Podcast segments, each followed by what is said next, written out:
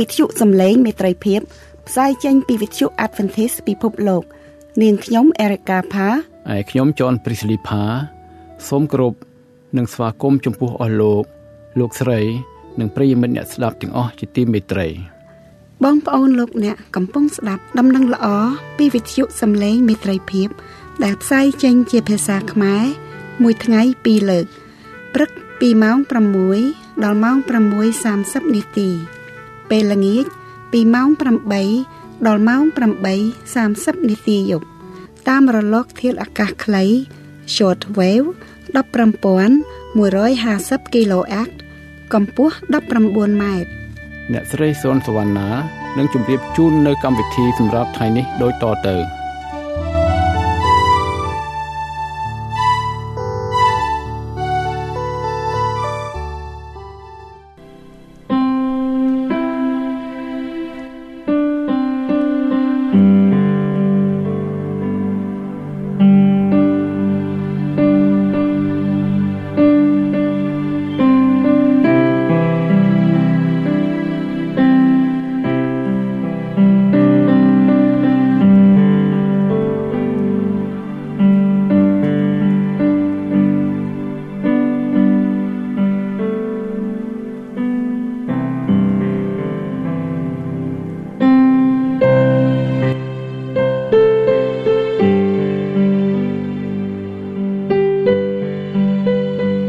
បងប្អូនសួនភ្ងាជាទីគោរពនិងជាទីមេត្រី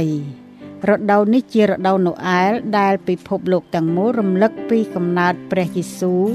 ដែលបានយន់យកកំណើតក្នុងសាច់ឈាមកាលពីជាង2000ឆ្នាំកន្លងទៅនេះវិទ្យុសំឡេងមេត្រីភាព សូមជូនការអធិប្បាយសង្ខេបមួយឈុតក្រោមប្រធានបទផ្កាយនៃព្រះអង្គសង្គ្រោះ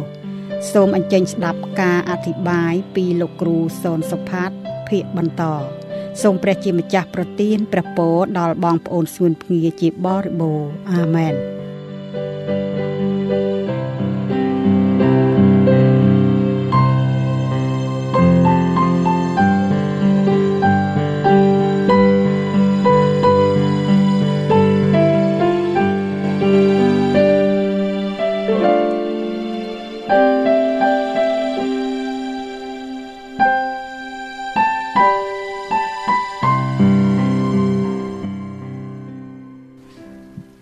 បាទសូមគោរពស្វាគមន៍ដល់បងប្អូនសួនភ្ងានិងប្រិយមិត្តទាំងអស់ជាទីគោរពនិងជាទីមេត្រី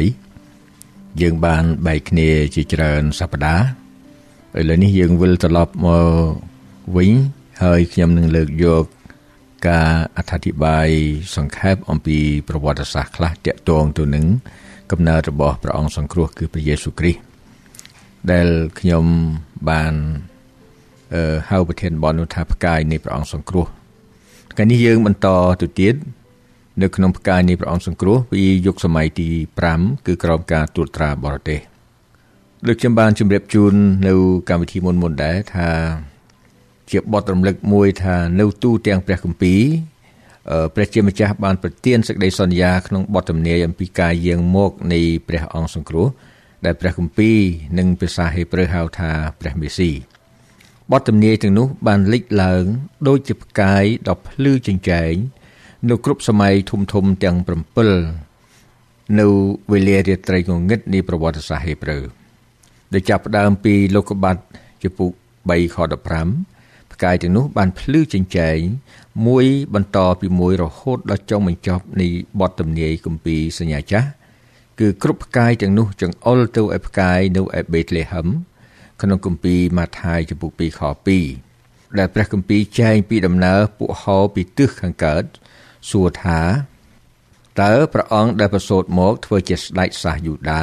ទ្រង់គង់នៅឯណា ពីព្រោះយើងបានឃើញផ្កាយរបស់ទ្រង់ពីទិសខាងកើតមក ហើយយើងមកថ្វាយបង្គំទ្រង់នៅក្នុងយុគសម័យទាំង7នោះបើខ្ញុំរំលឹកជូនបងប្អូនលោកអ្នកឃើញថា ទី1គឺយុគសម័យដើមដំបូងបន្ទាប់មក ទី2គឺយុគសម័យពួកអាយុកោ ទី3យុគសម័យទេវធិបតេយ្យទី4យុគសម័យរាជាធិបតេយ្យគឺស្ដេចនៃអ៊ីស្រាអែលយុគសម័យទី5គឺយុគសម័យក្រោមការត្រួតត្រាបរទេសអឺនៅក្នុងយុគសម័យ2ទៀតនោះគឺយុគសម័យម៉ាកាប៊ីហើយយុគសម័យរ៉ូមថ្ងៃថ្ងៃនេះយើងនាំគ្នាពិចារណាមើល ខ្ញុំនឹងលើកយកត្រួសត្រាសអំពីប្រវត្តិសាស្ត្រខ្លះតាក់ទងទៅនឹងព្រឹត្តិការណ៍នៅក្នុងព្រះគម្ពីរអំពីយុគសម័យក្រោមការត្រួតត្រាបរទេសតើនៅក្នុងសម័យនៃស្ដេចអ៊ីស្រាអែលមានអ្វីកើតឡើងតាក់ទងទៅនឹងបទទំនាយនៃព្រះមេស៊ី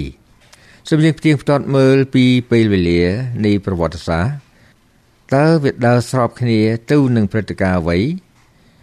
ឯកសារដកស្រង់ពីសភៅ NIV Study Bible គឺថាមានព័ត៌មានខ្លះដែលប្រាប់យើងថាលោកអាប់រ៉ាហាំគឺនៅក្នុងសម័យលោកអាប់រ៉ាហាំគឺប្រហែលជា2166ឆ្នាំមុនគ្រិស្តសករាជពេលកូនចៅអ៊ីស្រាអែលចេញពីប្រទេសអ៊ីស៊ីបគឺនៅក្នុងអំឡុងឆ្នាំ1441មុនគ្រិស្តសករាជ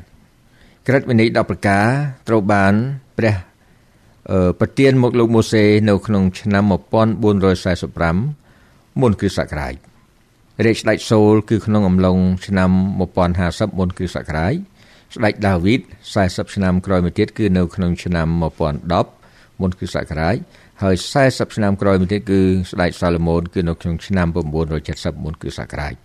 គឺថានៅក្នុងអឺកាលបរិច្ឆេទទាំងអស់នេះសូម្បីអ្នកប្រាជ្ញព្រះគម្ពីរក៏គេបានរំលឹកប្រាប់ដែរថាអឺពេលវេលានោះគឺគេសន្មត់ហើយយក យកអឺការបច្ឆេទណាមួយដែលនៅចិត្តជាងគេប៉ុន្តែវាអាចមានការដូចថាមិនសូវច្បាស់លាស់ប៉ុន្មានដែរទេបាទបើតែយើងអាចនឹងមានអឺឆ្នាំទាំងអស់នេះជាគោលឲ្យយើងដឹងថាតើព្រឹត្តិការណ៍កើតនៅពេលណា នៅក្នុងចុងសម័យទេវធិបតេយ្យដែលត្រួតត្រាពួករាជអ៊ីស្រាអែលជាង200ឆ្នាំដែលព្រះគម្ពីរហៅថាពួកចវាយ ពួកចវាយនោះគឺថាភាសាអង់គ្លេសហៅ judges គឺប្រែថាពួកចៅក្រមណាដែលគម្ពីរខ្លះចែងអ្នកខ្លះនិយាយថាមាន13អ្នកខ្លះថាមាន15អ្នកដែលគ្រប់គ្រងលើរាជអ៊ីស្រាអែលនោះហើយអាណាចក្របែងចែកនៅក្នុងឆ្នាំ930មុនគ្រិស្តសករាជគឺនៅក្នុងសម័យយេរូបូមនិងសម័យរេហូបូមមានហោរាធំធំដូចជាហោរាអេលីយ៉ាហោរាអេលីសេអឺហោរាយ៉ូណាស់ហោរាអេសាយ ហើយដានីយ៉ែលត្រូវនាំទៅជាឆ្លើយនៅក្រុងបាប៊ីឡូននៅក្នុងអំឡុងឆ្នាំ605មុនគ្រិស្តសករាជបាទព្រឹត្តិការណ៍សំខាន់សំខាន់មួយចំនួនកើតមានឡើងលើពិភពលោកនេះដែរដែលជាប់ទាក់ទិនទៅនឹងព្រះគម្ពីរយោងតាមគម្ពីរ Thomson Chain Reference Bible នៅទំព័រ1512មានចែងថានៅក្នុងឆ្នាំអំឡុងឆ្នាំ721មុនគ្រិស្តសករាជគឺជាការនាំពួករាជអ៊ីស្រាអែលទៅជាឆ្លើយ ណាអឺគឺពួកអាណាចក្រនៅខាងជើង ហើយនៅក្នុងឆ្នាំអឺ587មុនគ្រិស្តសករាជគឺជាការនាំពួកយូដាណាអាណាចក្រខាងត្បូងទៅជាឆ្លើយនៅក្នុងឆ្នាំ400មុនគ្រិស្តសករាជទៅទល់នឹងឆ្នាំ166មុនគ្រិស្តសករាជនោះរាជអ៊ីស្រាអែលស្ថិតនៅក្រោមការត្រួតត្រារបស់ពឺស៊ីក្រិចហើយនិងអេស៊ីប ហើយចាប់តាំងពីឆ្នាំ166មុនគ្រិស្តសករាជទៅទល់នឹងអឺឆ្នាំ37គ្រិស្តសករាជណានោះអ៊ីស្រាអែលស្ថិតនៅក្រោមរយៈពេលម៉ាកាប៊ីហើយនឹងស្ដេចហេរ៉ូតនេះខ្ញុំសូមលើកយកតែទស្សត្រួសជូនតែប៉ុណ្ណោះពីព្រោះថានៅក្នុងនេះតកតងទៅនឹងវិធានបទរបស់យើង ថារាជអ៊ីស្រាអែលនៅក្រោមការត្រួតត្រាបរទេស ហើយយើងមើលឃើញថាបងប្អូនលោកអ្នកចាំនៅក្នុងគម្ពីរដានីយ៉ែលជំពូក2យើងឃើញថា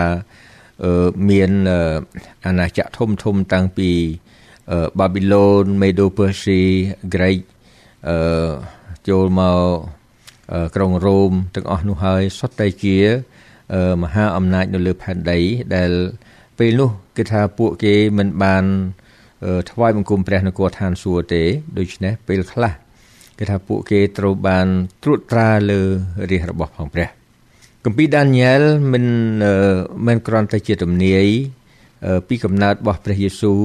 អឺគឺអំពីរាជកិច្ចរបស់ព្រះអង្គនិងប្រជជនទ្រង់នៅលើផែនដីនេះផងគម្ពីរយេរេមៀមានទាយពីដំណើររាជអ៊ីស្រាអែលតាំងពីត្រូវទៅជាឆ្លើយរបស់ក្រុងបាប៊ីឡូន70ឆ្នាំហើយនឹងត្រូវវិលមកវិញផង គឺរហូតដល់ឆ្នាំ538មុនគ្រិស្តសករាជទើបពួកយូដាមុនគេវិលមកវិញហើយមានជាប់តាក់ទងទៅនឹងបទទំនាយ70អាទិត្យហើយនឹង2300អឺ1260នៅថ្ងៃហើយនេះឆ្នាំនោះជាច្រើនទៀតតែបទទំនាយទៅនោះគឺថាមានពេលវេលាជាក់លាក់មួយនៃចំណុចចាប់ផ្ដើម គឺនៅក្នុងឆ្នាំ457មុនគ្រិស្តសករាជ នៅពេលដែលគេចេញបញ្ជាឲ្យសាងសង់ទីក្រុងយេរូសាឡឹមឡើងវិញហើយនៅដោយសារនោះមានព័ត៌មានច្រើនខ្ញុំនឹងមានធ្វើការអធិប្បាយដោយឡែកនៅក្នុងប្រធានបទនោះឯងបាទកាលបរិច្ឆេទគឺដូចខ្ញុំបានជម្រាបជូននេះគឺថាមិនសូវជា ច្បាស់លាស់ប្រហែលទេ គឺថាគ្រាន់ជាការត្រួសត្រាសសម្រាប់ជួយឲ្យយើងបានដឹងអំពីព្រឹត្តិការណ៍ បងប្អូនលោកអ្នកនៅក្នុងនៅក្នុងព្រះគម្ពីរយេរេមៀចំពុក28មានរឿងដ៏អស្ចារ្យដែលបង្រៀនយើងអំពីហោរា2តាក់ទងទៅនឹងបទបន្ទូល ទៅនឹងបទទំនាយហើយនឹងទៅនឹងព្រះបន្ទូលនៅក្នុងព្រះគម្ពីរបោះសុតនេះគឺបងប្អូនលោកអ្នកថានៅក្នុងព្រះគម្ពីរសញ្ញាចាស់គឺច្រើនតាក់ទងទៅនឹងបទទំនាយបទទំនាយនោះគឺមានពួកហោរាគម្ពីរយេរេមៀចំពុក28 ជាប់តាក់ទិនទៅនឹងបទទំនាយអំពីរាជអ៊ីស្រាអែលដែលត្រូវទៅធ្វើជាឆ្លើយនៅក្រុងបាប៊ីឡូនចំនួន70ឆ្នាំហើយបងប្អូនលោកអ្នកមានពេលសូមជើញអានគម្ពីរយេរេមៀជំពូក28ទាំងមូលយើងនឹងឃើញពីខ្លឹមសារនោះហើយបងប្អូនលោកអ្នកនឹងឃើញព្រះគម្ពីរនោះសម្ដែងប្រាប់អំពីហោរាពីរនាក់គឺមួយជាហោរាពិតហើយមួយជាហោរាខ្លាំងខ្លាយៗ បងប្អូនលោកអ្នកនៅក្នុងមានឈ្មោះពីរគឺហោរាយេរេមៀដែលជាឈ្មោះព្រះគម្ពីរយេរេមៀនោះឯងហើយមួយទៀតគឺហោរាហានានីហោរាយេរេមៀទទួលដំណឹងទទួលព្រះបន្ទូលផ្ទាល់ពីព្រះជាម្ចាស់ដើម្បីនឹងលោកប្រកាសប្រាប់ទៅដល់ពួកកូនចៅអ៊ីស្រាអែលប៉ុន្តែនៅពេលនោះគឺថាអឺហោរាហាននីក៏បានឡើងមកប្រកាសនៅក្នុងកណ្ដាលចំណោមពួករាជអ៊ីស្រាអែលនោះ ហើយប្រកាសប្រាប់ថាព្រះជាម្ចាស់ក៏បានប្រាប់គាត់មកដែរថាមិនមែនឲ្យទៅធ្វើជាឆ្លើយជាទាសករនៃក្រុងបាប៊ីឡូន70ឆ្នាំទេគឺឲ្យទៅទៅ2ឆ្នាំទេបាទដូច្នេះយើងឃើញថាអឺលក្ខណៈនោះគឺវាខុសគ្នាឆ្ងាយណាស់អឺមួយយេរេមៀនិយាយពី70ឆ្នាំហើយហានានីនិយាយពី2ឆ្នាំដូច្នេះវាខុសគ្នាឆ្ងាយណាស់បាទដូច្នេះពួកបណ្ដាជន ក៏ងាកបែរទៅបើតាមយើងស្មានមើលឃើញថាពួកគេគេចូលចិត្តការងារដែលងាយស្រួលប៉ុន្តែនោះមិនមែនជាសេចក្តីពិតទេយើងឃើញថាហោរារបស់ព្រះ នៅក្នុងសម័យនោះគឺមានសញ្ញាមួយបងប្អូនលោកអ្នកឃើញទេថាមានពាក់នឹមឈើមួយដែលជានិមិត្តរូបមួយជា symbol មួយនឹមនៅនៅលើស្មា ហើយពេលហោរាហាននីបានទៅកន្ត្រាក់យកនឹមឈើរបស់នៃពីពីពីករបស់នៃហោរាយេរេមៀមកពេលនោះព្រះជាម្ចាស់បានមានបន្ទូលប្រាប់ថាឲ្យទៅប្រាប់នៃហានានីវិញថាដោយសារឯងបានដកយកនឹមឈើចេញដូច្នេះព្រះអង្គនឹងដាក់នៅនឹមដែកទៅលើទៅលើនៃស្មារបស់គេវិញដូច្នេះហើយយើងឃើញថានេះគឺជាលក្ខណៈមួយដែលចង្អុលបង្ហាញប្រាប់យើងយ៉ាងច្បាស់អំពីសារដំណឹងល្អ តាក់ទងទៅនឹងព្រះអង្គសង្គ្រោះតាក់ទងនឹងសេចក្តីសង្គ្រោះបងប្អូនលោកអ្នកខ្ញុំសូមធ្វើការអឺបើកវងកញ្ចក់ជូនបងប្អូនបន្តិចពីព្រោះថាបងប្អូនលោកអ្នកកំពុងស្ដាប់សារដំណឹងល្អនៅសប្តាហ៍ថ្ងៃនេះ គឺមានដូចគ្នា គឺព្រឹត្តិការណ៍ដូចគ្នានៅក្នុងកាពីយេរេមៀពុក28ចឹងគេថាមានអំពីសារដំណឹងល្អដែលថាផ្លូវនៃសេចក្តីសង្គ្រោះនឹងខ្លះក៏ងាយមែនទែនខ្លះទៅក៏ ដើរតាមព្រះគម្ពីរតាមលិនៃបទបន្ទូលរបស់ព្រះអង្គទៅដូច្នេះហើយបានខ្ញុំសូមឲ្យបងប្អូនយកចិត្តទុកដាក់មើលថាហោរាពិតរបស់ព្រះអង្គមានសញ្ញាមួយដ៏ច្បាស់ណាចាំពេលក្រោយខ្ញុំនឹងជម្រាបជូនប៉ុន្តែខ្ញុំជម្រាបជូនត្រួសត្រាសថា នៅក្នុងបទបន្ទូលមួយនៃបងប្អូនលោកអ្នកមើលជាមួយខ្ញុំ ទៅពងសាវតាខ្សត្រខ្សែទី2ទៅជំពូក17 បងប្អូននិងអ្នកធ្វើការកត់ចំណាំនៅពងសាវតាខ្សត្រខ្សែទី1ជំពូក17និយាយអំពី Ministry of Elijah គឺជាកិច្ចការបម្រើរាជកិច្ចការបម្រើព្រះជាម្ចាស់នៃហោរាអេលីយ៉ាប៉ុន្តែនៅក្នុងពងសាវតាខ្សត្រខ្សែទី2នៅជំពូក10 17ដែរនោះគឺជាកិច្ចការបំរើព្រះនេះណានៃពួកហោរាទាំងអស់ នៅក្នុង second uh, king chapter 17 is the ministries of all prophets គឺថាជាជាកិច្ចបម្រើព្រះនៃពួកហោរាទាំងអស់ខ្ញុំសូមអានមួយខជូនបងប្អូនលោកអ្នកជាកតិនៅក្នុងពងសាវតាខ្សត្រខ្សែទី2ចំពុក17ខ13គម្ពីរចែងថា ប៉ុន្តែព្រះយេហូវ៉ាទ្រង់បានធ្វើបន្ទាល់ដល់ពួកអ៊ីស្រាអែលនិងពួកយូដាដោយសារគ្រប់ទាំងពួកហោរានិងពួកមើលឆត់ថាចូលឲ្យឯងរាល់គ្នាបែរចេញពីផ្លូវអាក្រក់របស់ឯងទៅហើយកាន់តាមក្រិតក្រមនិងបញ្ញត្តិអញទាំងប៉ុន្មាន តាមច្បាប់ទាំងអស់ដែលបានបង្គាប់ដល់ពួកអាយកោឯងហើយដែលអញបានផ្ញើមកឯងរាល់គ្នាដោយសារពួកហោរា ជាពួកអ្នកបម្រើរបស់អញ នេះគឺថាជាការត្រាស់បង្គាប់ពីព្រះជាម្ចាស់ដល់ពួកអ្នកដែលជាអ្នកដែលនាំមុខដល់រាជអ៊ីស្រាអែលគឺនៅក្នុងនេះគឺថាពួកហូរ៉ាបាទបងប្អូនលោកអ្នកឃើញថានៅក្នុងកម្ពីសញ្ញាចាស់ជើងអល់បង្ហាញច្បាស់ណាស់អំពីលក្ខណៈរបស់ហូរ៉ាពិតនិងហូរ៉ាខ្លាំងខ្លាយគឺថាមកទល់សប្តាហ៍ថ្ងៃនេះបើបងប្អូនលោកអ្នកធ្វើគ្រាន់តែធ្វើការវិភាគបន្តិចទៅឃើញហ្នឹង យើងឃើញថាលោកនៃអេលីយ៉ាលោកបាននិយាយប្រាប់ទៅនៃអឺស្ដេចបងប្អូនលោកអ្នកមើលជាមួយខ្ញុំនៅពងសាវតាខ្សាត់ខ្សែទី1នៅជំពូក17ពងសាវតាខ្សាត់ខ្សែ1ជំពូក18ជំពូក18នៅទំព័រ486បាទខ្ញុំឲ្យបងប្អូនពិចារណាមើលឃើញអំពីហោរាពិតនិងហោរាខ្លាំងខ្លាយ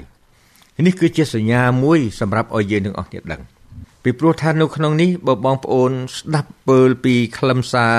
ស្ដាប់មើលពីវោហាសាសជួនកាលបងប្អូនអាចធ្លាក់ចូលទៅក្នុង ការដែលយើងមិនបានទទួលសេចក្តីពិតរបស់ព្រះទេដូច្នេះយើងមើលឃើញថាមានអ្វីដែលជាដែលជានៃ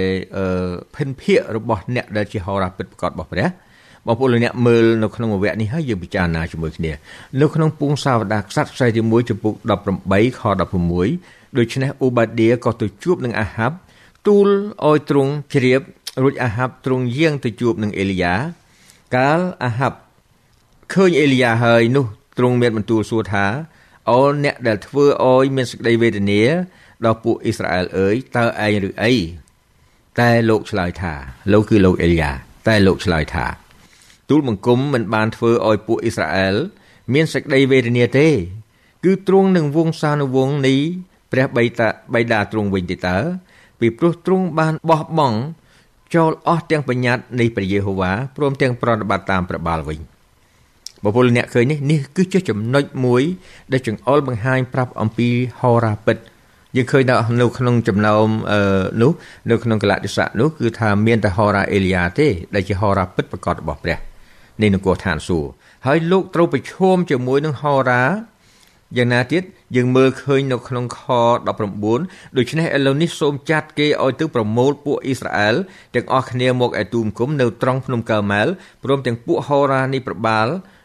ទាំង450នាក់និងពួកហោរានៃរូបព្រះទាំង400នាក់ដែលបរិភោគនៅជុំតុរបស់ព្រះនាងយេសាបែលមកផង យើងយើងឃើញនៅក្នុងនេះគឺថាហោរាព្រះមានតែមួយទេហោរារបស់ព្រះបាលមាន450នាក់ហើយនឹងហោរានៃរូបព្រះមាន400នាក់ទៀតមាន850នាក់នេះខ្ញុំលើកជាកតិខ្លះដើម្បីបងប្អូនលោកអ្នកបានដឹងតាក់ទងទៅនឹងសារដំណឹងល្អនៃសេចក្តីសង្គ្រោះបាទដូច្នេះយើងឃើញថាចំណុចសំខាន់គឺយ៉ាងដូច្នោះយើងបកទៅគម្ពីរយេរេមៀចំពុក23វិញបងប្អូនអ្នកមើលសារឡើងវិញថានៅចុងចំពុក28 ហ្នឹងគម្ពីរសម្ដែងប្រាប់ថាហោរាខ្លែងហ្នឹងគឺហានានីហ្នឹងគឺថាត្រូវស្លាប់នៅចុងឆ្នាំនោះឯងដោយសារលោកប្រកាសប្រាប់ពីដំណឹងមិនពិតដូច្នេះយើងឃើញថានេះគឺថាសារដំណឹងល្អមិនមែនជាស្រួលទេបងប្អូនលោកអ្នកជាពិសេសអ្នកដែលផ្សព្វផ្សាយសារដំណឹងល្អរបស់ព្រះអង្គបើសិនជាមិនត្រូវតាមព្រះគម្ពីរមិនត្រូវតាមសេចក្តីបង្រៀនរបស់ព្រះយេស៊ូវគួរគិតពិចារណាឡើងវិញគេថាវាមានការលំបាកណាស់ ហើយខ្ញុំដោយសារពេលវេលាខ្លីខ្ញុំគ្រាន់តែរំលឹកជូនបងប្អូនលោកអ្នកថា នៅកណ្ដាលការដែលអស់សង្ឃឹមអឺទល់ច្រករបស់រាជរបស់អ៊ីស្រាអែលរាជអ៊ីស្រាអែលជារាជរបស់ផងព្រះនោះយើងឃើញថាព្រះជាម្ចាស់នៅតែប្រទានឲ្យពួកគេនៅសារដំណឹងល្អនៃសេចក្តីសង្ឃឹមសេចក្តីសង្ឃឹមដែលថានៅក្នុងចុងគម្ពីរសញ្ញាចាស់គឺថាគេរងចាំគេរងចាំពីរនាក់ គេរងចាំលោកអេលីយ៉ាហើយគេរងចាំព្រះយេស៊ូវដែលនឹងចាប់កំណើតមកគឺជាព្រះមេស៊ីជាព្រះអង្គសង្គ្រោះប៉ុន្តែបងប្អូនលោកអ្នកដឹងហើយថាយើងមើលនៅក្នុងព្រះគម្ពីរយើងដឹងយ៉ាងច្បាស់ថាអឺលោកអេលីយ៉ាលោកមិនបានមកវិញទេប៉ុន្តែលោកយ៉ូហានបាទីសដែលលោកជាអ្នកដែលធ្វើការនៅក្នុងវិញ្ញាណរបស់លោកហូរ៉ាអេលីយ៉ាទាំងដំណឹងល្អទាំងសម្លៀកបំពាក់របស់លោក ក៏ដូចគ្នាជាមួយនឹងលោកហូរ៉ាអេលីយ៉ាដែរដូច្នេះហើយខ្ញុំសូមអញ្ជើញបងប្អូនលោកអ្នកថាយើងពិចារណាមើលបទបន្ទូលនេះហើយពិចារណាទៀតត្រង់ថានៅក្នុងពេលនេះយើងឃើញតែចាប់ផ្ដើមពីគម្ពីរលោកកបាតចំពុក3ខ15ផ្កាយអឺទាំងនោះគឺថាផ្កាយនៃព្រះអង្គសង្គ្រោះបានភ្លឺចិញ្ចែងមួយហើយបន្តទៅមួយទៀតដល់ចុងបញ្ចប់នៃបទទំនាយគម្ពីរសញ្ញាចាស់គឺគ្រប់ផ្កាយទាំងអស់ចង្អុលទៅឲ្យផ្កាយនៅឯបេតលេហឹម គឺនៅក្នុងគម្ពីរម៉ាថាយចំពុក2ខ2ដែលព្រះគម្ពីរចែងពីដំណើរពួកហោពីទិសបូដែលមកសួរថាតើព្រះអង្គដែលប្រសូតមកធ្វើជាស្ដេចសាសយូដាទ្រង់គង់នៅឯណា ពីព្រោះយើងបានឃើញផ្កាយរបស់ទ្រង់ពីទិសខាងកើតមកយើហើយយើងមកថ្វាយបង្គំទ្រង់សារណូអែលនោះគឺជាការរំលឹកពីការចាប់កំណើតរបស់ព្រះយេស៊ូវជាង2000ឆ្នាំកន្លងទៅនេះ ជាព្រះអង្គសង្គ្រោះនៃពិភពលោកទាំងមូល ណូអែលគឺជាការរំលឹកការយាងមកជាលើកទី1នៃព្រះយេស៊ូវដែលនាំផ្លូវឲ្យយើងមើលឃើញទៅឯដំណើរលេចមកជាលើកទី2របស់ព្រះអង្គមកទទួលយករាជរបស់ផងទ្រង់អ្នកណាដែលទទួលយកព្រះយេស៊ូវជាព្រះអង្គសង្គ្រោះអ្នកនោះនឹងបានទទួលជីវិតអស់កលជានិច្ចនេះគឺជាសារនៃពិធីបុណ្យណូអែលនិងរដូវណូអែលដែលរំលឹកអំពីកំណើតរបស់ព្រះយេស៊ូវសូមព្រះជាម្ចាស់ប្រទានប្រពរ អា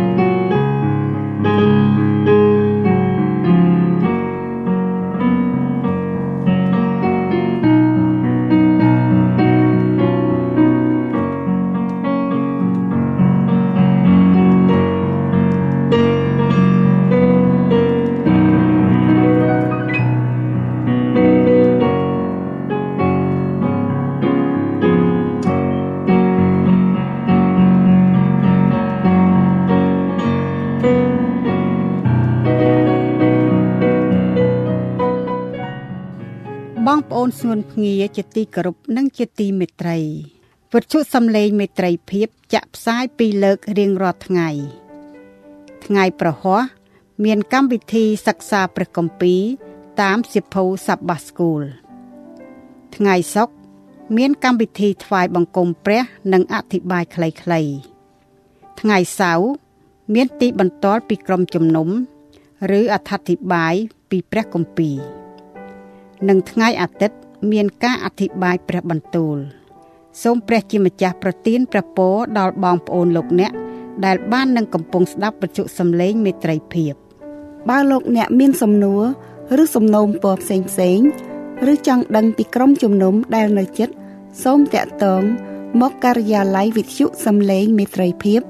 តាមទូរស័ព្ទលេខ012 34 96 64ឬអ៊ីមែលទៅ vol at awr.org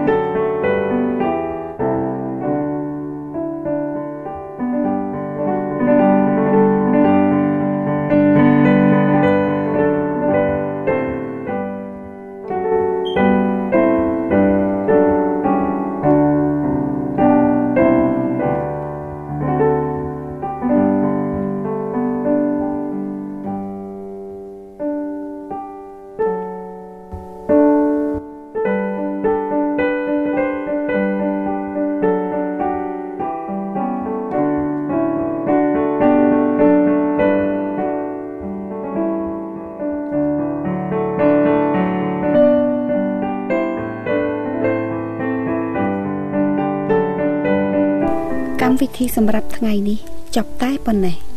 វិទ្យុយើង សូមថ្លែងអំណរគុណជាអតិបរមា ចំពោះការយកចិត្តទុកដាក់ស្ដាប់ របស់អស់លោកអ្នកនាង សូមព្រះជាម្ចាស់នៃមេត្រីភាព ប្រោះប្រទានព្រះពរគឺសេចក្តីសុខសន្តិភាព អំណរនិងសុភមង្គល ជានិច្ចនិរន្តរ៍តរៀងទៅសួស្តី